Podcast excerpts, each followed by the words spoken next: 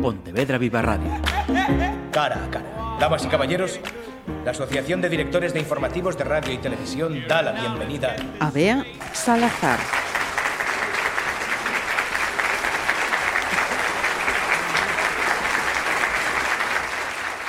Saludos, ¿qué tal? La coordinadora galega de ONGs nos acerca a este cara a cara a Bea Salazar, una activista salvadoreña, feminista y activista también por los derechos humanos. Así que lo primero que me toca hacer es eh, darle las gracias por hacernos un hueco para acompañarnos aquí en Pontevedra Viva Radio Bea. Muchísimas gracias. Cómo no, gracias a ustedes y gracias a la cooperación gallega que nos está, que me ha invitado a poder compartirle nuestra experiencia de trabajo como defensora. Acabamos de señalar la coordinadora, pero mm, ¿qué es lo que te trae aquí? ¿Cuánto tiempo vas a estar? ¿Qué estás haciendo? ¿Qué te queda por hacer? Bueno, voy a empezar por la última. ¿Qué me queda por hacer? Todo, ¿no? Que acabas de llegar. Mucho, pero eh, a ver, estoy entusiasmada. Eh, voy a estar hasta el 25. El 26 ya Toca regreso. Toca regreso. Eh, voy a hacer como distintas actividades, digamos, trabajo con, voy a ir a hacer, unas entrevistas, hacer algunas entrevistas, voy a estar con algunos centros escolares, con algunas feministas, en algunas bibliotecas también, presentando el libro eh, de la defensora. Entonces, contenta, porque creo que es una oportunidad que tenemos las defensoras del Salvador principalmente de poder presentar lo que hacemos. como dice el libro, sacar a luz lo que las defensoras hacemos.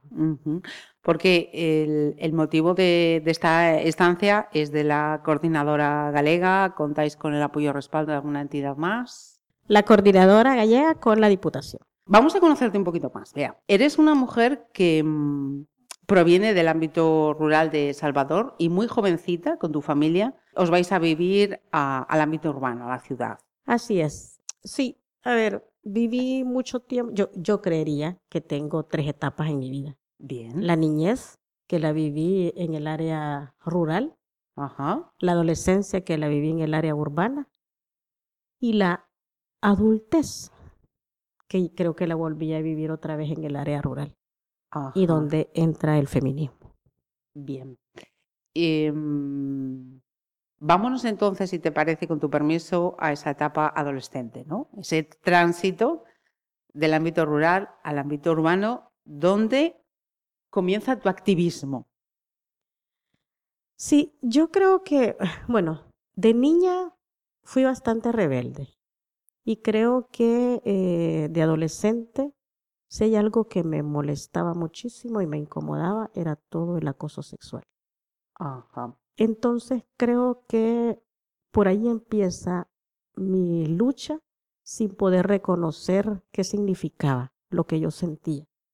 Eh, cada vez que una persona, cada vez que un hombre eh, me acosaba o acosaba a mis compañeras, yo sentía mucha rabia se decía esto, ¿por qué nos pasa a las mujeres? ¿Por qué nos pasa solo a nosotras? Porque me fijaba que a los hombres no los acosaban. Entonces empecé a notar que eso era una situación que no, no estaba a mi gusto. Además de eso, en mi adolescencia empecé a ver las diferencias que habían para una mujer y para un hombre. Desde el trabajo de la casa, las oportunidades educativas, las oportunidades laborales, que si bien es cierto, no lograba entender por qué habían esas desigualdades, pero ya me ponía así como un poco de... Como, a la defensiva. Como a la defensiva y a preguntarme por qué nosotras. O sea, por ejemplo, me enojaba mucho que me mandaran a lavar trastes o que me mandaran a lavar ropa. Y entonces, eh, o que en la escuela siempre hubieran preferencias para los hombres y las mujeres siempre estábamos excluidas en los espacios eh, de recreación, por ejemplo. Entonces, todo eso me ponía como, me ponía como muy molesta. Rabia, lo has dicho antes. Mucha rabia. Sí, luego eh, empecé a ver también que las desigualdades no solo se daban, este, digamos, en el grupo donde yo estaba o caminaba o en conjunto, sino que me fui dando cuenta de situaciones de violencia que compañeras pasaban. Y era indignante porque no sabías qué hacer ni cómo ayudar a estas personas, a estas compañeras que vivían esas situaciones de violencia. Luego empecé a, notar que había una desigualdad social también.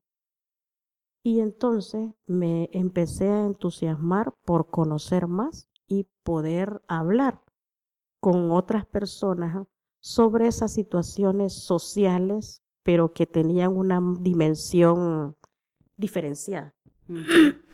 y eso me, me generó como, como la, la, necesidad de decir, bueno, necesito buscar un grupo en el cual todo esto que siento y mover todo esto. Sí, todo esto que siento debe de estar en algo, lo debo de sentir por algo. Porque mm, desde fuera, eh, hombre, dependerá de las edades de quienes nos escuchen, pero eh, a priori, con eso que nos acabas de comentar, si además lo situamos en, en un momento de, conflicto como era el que estaba viviendo El Salvador, Todavía es todo mucho más convulso, me imagino. Sí, muchísimo. Cuando yo eh, decido, en, decido organizarme en la guerrilla, eh, me metí por la causa social que había, o sea, esas desigualdades. Fundamentalmente eh, la pobreza, la exclusión. las mujeres no tenían derecho a la tierra, bueno, ni mujeres ni hombres. Entonces, todas esas situaciones que habían, el abuso del poder, eh, eh, el militarismo, o sea, todas esas consecuencias, digamos, por todas esas situaciones, a mí me fueron como conectando con la vida, ¿verdad? Entonces, eso creo que fue lo que me motivó a formar parte de un grupo eh, organizado durante el conflicto Allí viví algunas cosas.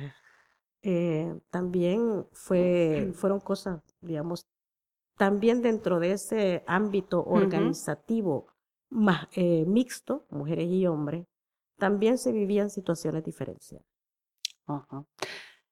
El hecho de estar organizada, eh, defender la causa por la cual luchábamos, pero también había un momento en que siempre nos sentíamos, o yo me sentía siempre vulnerable y, eh, y con pocas limitaciones. O sea, por el hecho de ser mujer. Pero no decía nada porque en ese momento era como el con el grupo al cual yo estaba organizada. Entonces, no decía nada a la luz todavía pública o no decía nada porque creía que era como parte de los compromisos internos que había. Pasado a ver, pasado el conflicto, vienen los acuerdos de paz y empezamos a, organizarnos como mujeres. Vale, em, eso estamos ya a comienzos de los, de los 90. Porque me, vas a permitir que vuelva de nuevo un poquito atrás. Has dicho, em, defendíamos la causa por la que luchábamos, ¿no? Eh, esas causas son todas las que acabas de, mencionar. O sea, tú entras en la, en la guerrilla diciendo, bueno, mm, con mi presencia y participación en esta parte, vamos a trabajar por. ¿Fue así o, no? Lo que pasa es que cuando inicio la organización, o sea, me, integro a formar parte de una estructura organizativa, era una organizativa mixta. La guerrilla fue mixta, mujeres y hombres. Luchábamos por una causa, por las desigualdades, la pobreza, pero no se luchaba por las desigualdades entre mujeres y hombres. Entonces, creo que allí reconozco, aprendí muchísimo, eh, reconocí también que trabajar con un grupo mixto de mujeres y hombres, la prioridad no somos las mujeres si bien es cierto, acompañamos las luchas, mujeres y hombres, pero siempre las mujeres tenemos una desventaja. Había unos escalones entre unos y otros. Sí. Además de ver algunos escalones, el acoso sexual siempre existía. Y la violencia contra las mujeres también existía. O sea, nuestra lucha eh, una doble lucha. La lucha por El nuestra contexto causa, general por nuestra y por... causa y la lucha interna que las mujeres vivíamos a diario para que se nos visibilizara. 92 se inicia esa, esa nueva etapa que decías. Ese tránsito entonces por lo que empezabas a dejar ver eh, es también un inicio, ¿o no? Es un inicio, eh, es un, un inicio donde nos, organiza- nos organizamos, pero creo que a pesar de la lucha constante que teníamos por, una lucha conjunta, pero siempre no estaba como muy de acuerdo en las situaciones de desigualdad que había. No sabía cómo nombrarlas, ni cómo, ni, por qué se daban. Posteriormente, después de 1992, de los acuerdos de paz, seguimos organizadas. Pero eh, empezamos a organizarnos como mujeres. Entonces, la cosa cambió. Cambió porque éramos un grupo de mujeres con otra disposición, con las mismas, eh, como, con las mismas necesidades, como con los mismos desafíos, las mismas preguntas de por qué nosotras estamos en la misma causa, por qué los compañeros que son nuestros compañeros, por qué también nos acosan, por qué nos violentan, por qué nos excluyen.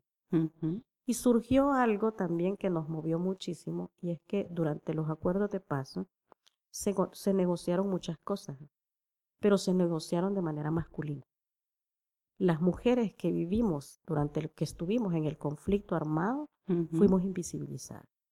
Para decirte que eh, hubo una lucha para que dentro del, dentro del mismo grupo de mujeres, una lucha para que a las mujeres se nos reconociera. Porque eh, durante los acuerdos de paz, una de las causas era la, la- la tenencia de tierra. Mujeres y hombres no teníamos, no, no éramos dueños de tierras.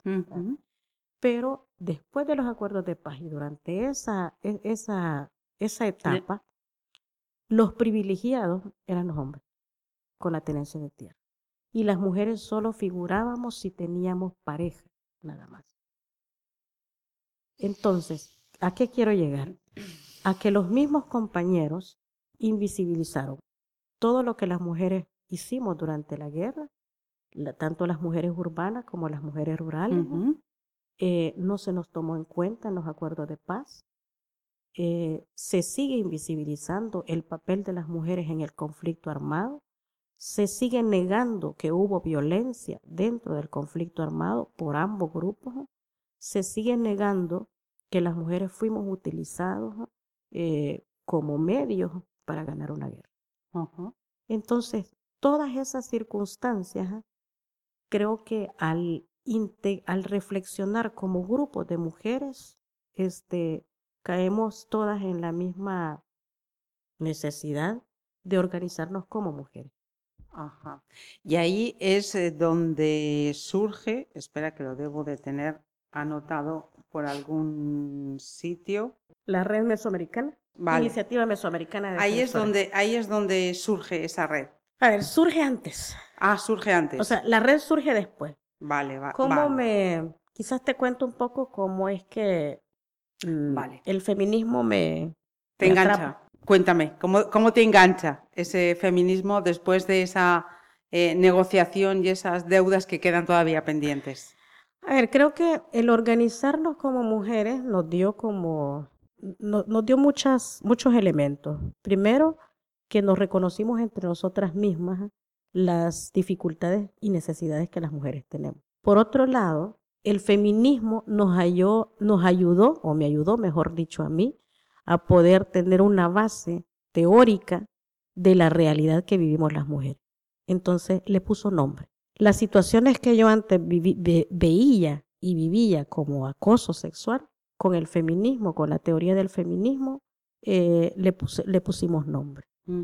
Y creo que todas las historias de mujeres que he acompañado en todo el trayecto de mi vida, mujeres que han vivido situaciones de violencia, me han hecho como comprometerme más como defensora y como feminista. En esos comienzos, en ese germen feminista ¿no? que empezáis a poner en marcha, eh, he visto que, mm, digamos que empezáis a construir todo un nuevo universo desde cero y en todas las esferas la sanitaria, la policial, la judicial, la política, la gubernamental. Sí, yo creo que el acompañar a mujeres en situaciones de violencia, eh, nos dimos, voy a hablar por todas las compañeras defensoras que acompañamos a mujeres en situaciones de violencia, nos dimos cuenta que el Estado no estaba preparado para atender a las mujeres. Eh, nos revictimizaban, nos culpabilizaban, eh, no había justicia, no habían instrumentos que pudieran ayudar a atender esa problemática. Entonces empezamos nosotras a trabajar, digamos, empezamos a, buscar coordinaciones institucionales e interinstitucionales y a, a decir, bueno, inicialmente nosotras éramos muy críticas, muy críticas, pero luego nos dimos cuenta de que no era solamente la crítica que teníamos que hacer, sino que había necesidad de poder decirles a las instituciones hay que hacer las cosas de esta manera. Entonces empezamos a trabajar con la Policía Nacional Civil, con la PNC. Y fuimos las impulsoras de crear los espacios de atención especializada para mujeres en situaciones de violencia. Espacios que en ese momento eran ni siquiera impensables para una PNC, para una Policía Nacional Civil. O sea, las mujeres que llegaban a poner una denuncia a un puesto policial eran recibidas en las peores condiciones, eran revictimizadas, eh, bueno, toda una situación que se da. Nosotras propiciamos los diálogos, las experiencias, acompañamos la creación de esos espacios. Además de eso, nos dimos cuenta que el sistema de salud como que no tenía nada que ver con las situaciones de violencia contra las mujeres. Entonces, al parecer, el Estado era el sistema judicial y eh, la policía la responsable de atender la problemática. Pero el sistema de salud y el sistema educativo, nada. Empezamos allá a hacer un trabajo nosotras con el, eh, con el hospital de Suchitoto, principalmente porque nos dimos cuenta que la prioridad de la policía cuando una mujer había, vivido una situación de abuso sexual, principalmente violación, eh, inmediatamente se llevaba a medicina legal por las pruebas. Pero todo lo que tiene que ver con atención de salud no se hacía. Entonces nosotras empezamos a decir, las cosas no tienen que ser así. Vamos a hacer un protocolo en el que la atención prioritaria es la salud. Nos interesa efectivamente que nos interesa que haya justicia y nos interesa que hayan pruebas, pero la salud mujer. Es, es más importante que lo demás. ¿Por qué razón? Porque el Estado salvadoreño y sobre todo el Ministerio de Salud tiene la obligación de eh, atender eh, la salud de las mujeres que han vivido una agresión sexual. Por ahí empezamos a hacer todo un trabajo. Luego empezamos a ver que el Ministerio de Educación tampoco. Entonces, y además de eso, dentro de las instituciones públicas se daban situaciones de violencia contra las mujeres, a lo interno y a lo externo, o sea, dentro y fuera. Nos dimos cuenta de agresiones sexuales que habían dentro de centros escolares, no solo eh, eh, hechas por, eh, no, no por estudiantes, sino por personal docente. Y estas situaciones eran negociadas a lo interno de la institución y negociadas con la familia y quedaban ahí. Entonces dijimos, no puede ser posible que esto esté pasando. Las organizaciones feministas empezamos a hacer un trabajo con el Ministerio de Educación y logramos crear un protocolo de atención específicamente para el personal docente, que atendiera las situaciones de violencia que se estaban viviendo al interno de los centros escolares, pero también aquellas situaciones y también la prevención. O sea, aquellas situaciones que se, se pueden prevenir antes de llegar a una situación. Entonces, hemos venido haciendo, digamos, muchas cosas con las instituciones públicas. Todo. a raíz de enseñarles cómo hacer. En el 2012 se aprobó la Ley Especial Integral para una Vida Libre de Violencia, que reconoce el feminicidio, reconoce la violencia sexual. Antes teníamos la Ley de Violencia Intrafamiliar, que solo reconoce la violencia entre pareja y entre hijos.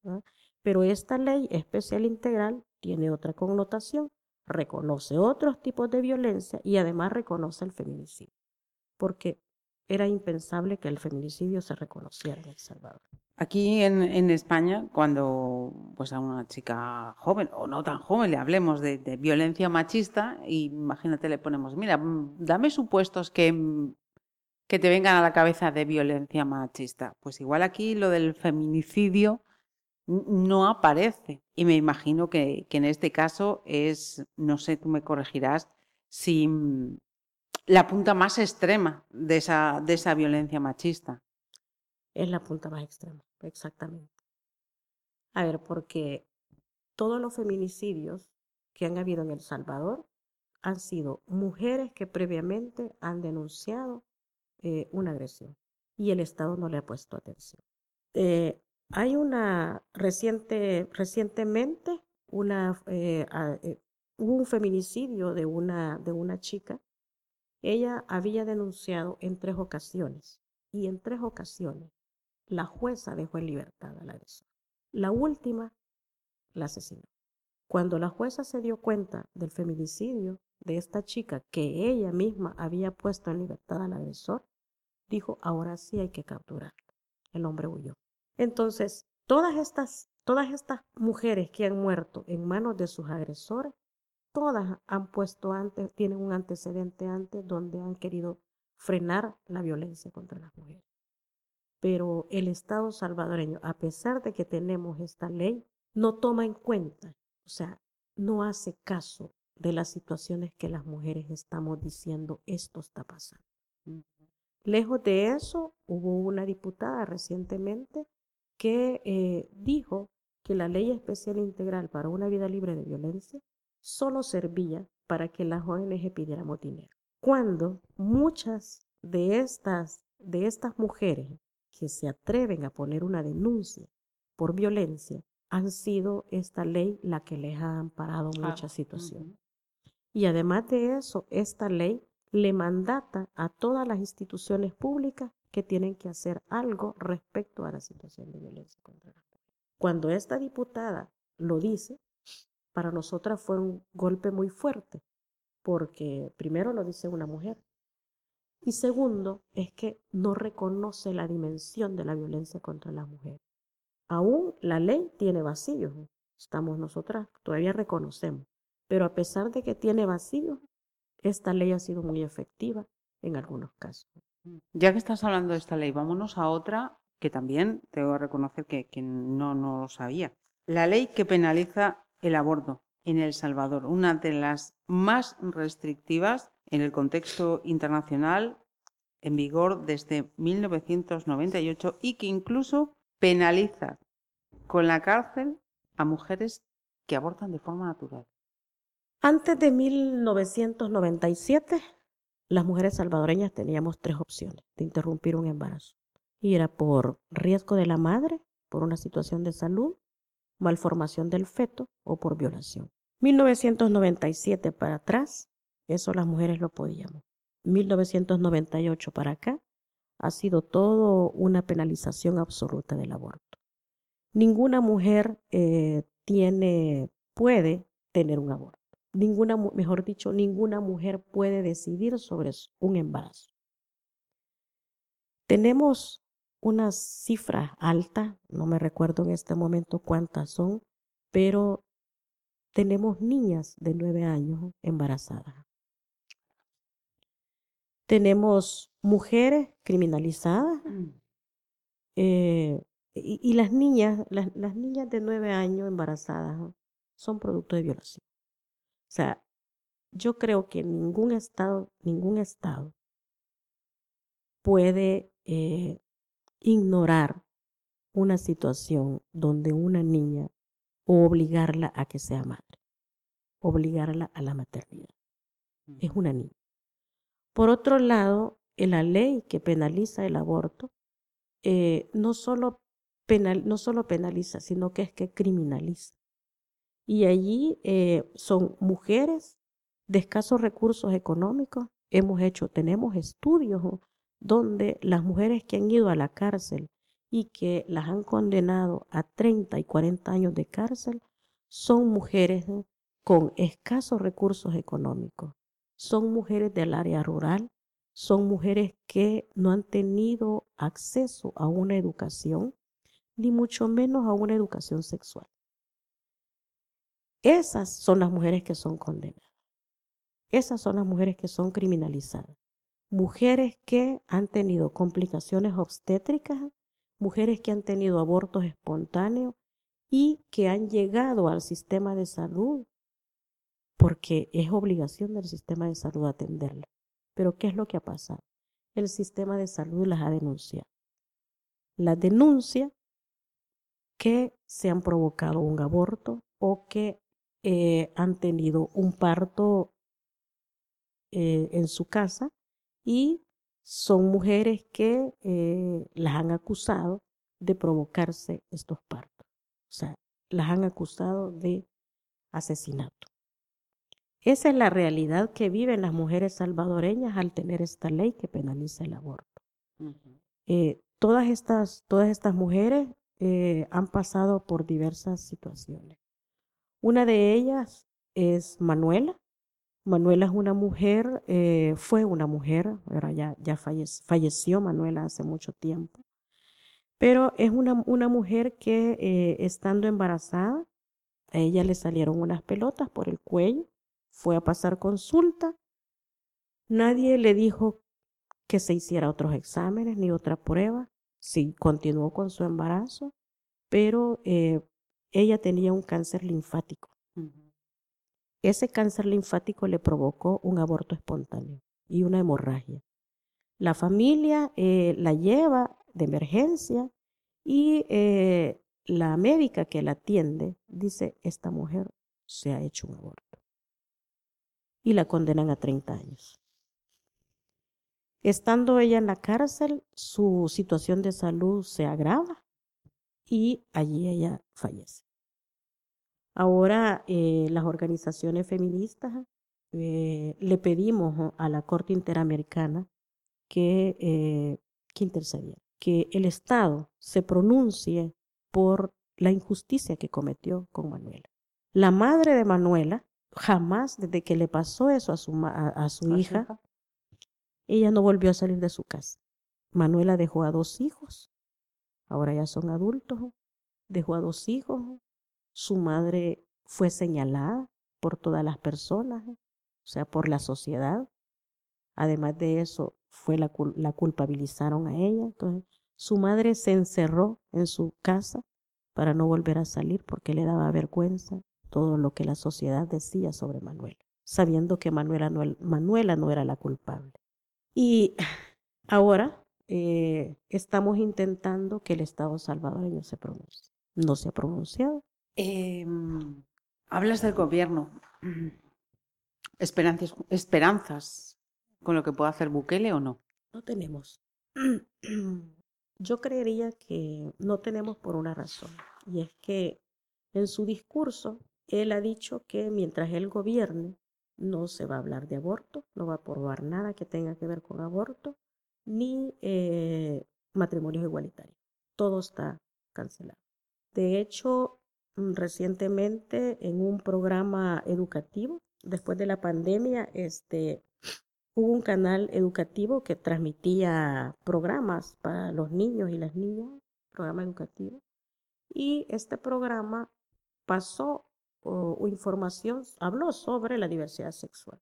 Al pasar esto, inmediatamente el programa lo cerraron, el gobierno cerró el programa, destituyó a la persona que estaba al frente del programa pero no solamente hizo eso, sino que prohibió totalmente que el personal de los centros escolares utilizara las guías que son que hablan sobre educación integral de la sexualidad. Y además de eso, ha prohibido que los centros escolares o toda el área educativa hable sobre género. Ese es un grave retroceso para los avances que las defensoras de derechos humanos hemos ido logrando. No sé si le voy leyendo yo el pensamiento o me lo va leyendo ella a mí, porque te, tenía que anotar ahora mismo. Eh, Vea, eh, llevas más de 30 años como activista entonces, ¿no? A pie de 2022 eres eh, más optimista que cuando empezaste o no? Soy optimista por una razón, porque creo que habemos más defensoras y porque creo que no estamos solas en la lucha.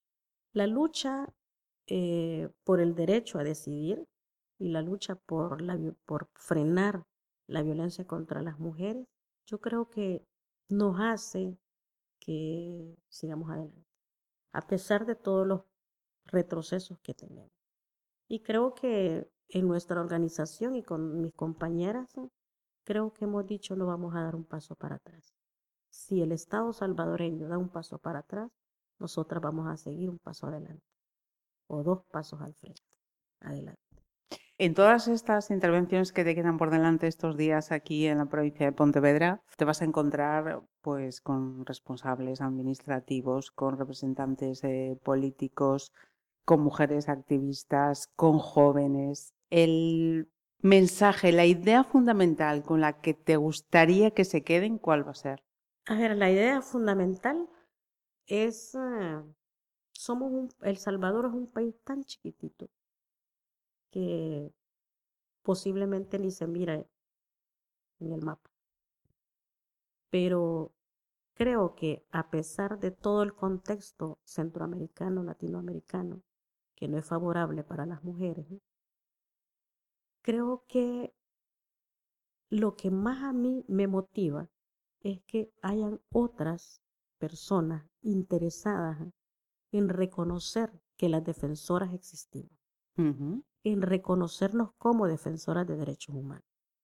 El Estado no nos reconoce, el Estado no nos garantiza. Al contrario, el Estado nos pone en riesgo. Pero al sentir el acuerpamiento de otras organizaciones, no solo, latino, no solo latinoamericanos, sino de otros países, nos hace sentir más fuertes. Porque creo que creen en nuestra lucha y creo también que el hacer estos conversatorios, el hacer estas entrevistas, el contar lo que vivimos, es una manera de poder transmitir lo que realmente estamos viviendo. Pero también nos da fuerza, nos da, luz, nos da luz y nos da esperanza de que unidas podemos ser más fuertes. Y, ya que te preguntaba por ese em, optimismo, ese espíritu 30 años después de esa actividad, de ese activismo, mm, ¿cómo ves tú a las generaciones más jóvenes en este ámbito? Pues me dan mucha esperanza, porque este, en la lucha feminista y en el movimiento de mujeres, las jóvenes están haciendo las cosas de distinta manera y están luchando por sus derechos. Entonces, el ver ahora organizaciones de mujeres jóvenes eh, con distintos talentos, grupos artísticos eh, de mujeres jóvenes que a través de su, de, su, de su manera artística posicionan los derechos de las mujeres, se reivindican. Creo que es una manera distinta como en mis tiempos lo veníamos haciendo. Entonces, eso me hace todavía eh, sentirme satisfecha de que, pues la edad, ¿verdad? No podemos obviarla, pero que la nueva generación siempre se mantiene y se va manteniendo en una lucha constante y posiciona sus derechos también. Y las mujeres jóvenes en El Salvador, es increíble, a pesar del contexto en el que tenemos, es increíble toda la lucha que hemos hecho. Y lo voy a decir en especial en la lucha por la despenalización del aborto. Creo que hay muchas mujeres jóvenes que ahora están con mucha más fuerza, decidiendo y exigiendo que se despenalice el aborto en El Salvador. Pues vea, mm, lo primero, muchas gracias. Y lo segundo, mucha fuerza. bueno, muchas gracias por ambas cosas. Pontevedra Viva Radio. ¿Me permiten que les haga un comentario como espectadores del programa Cara a Cara? Según un reciente sondeo de mercado, Ustedes disponen de estudios e inteligencias superiores a la media. Sus intereses abarcan desde la actualidad mundial y la ciencia hasta el deporte y los espectáculos.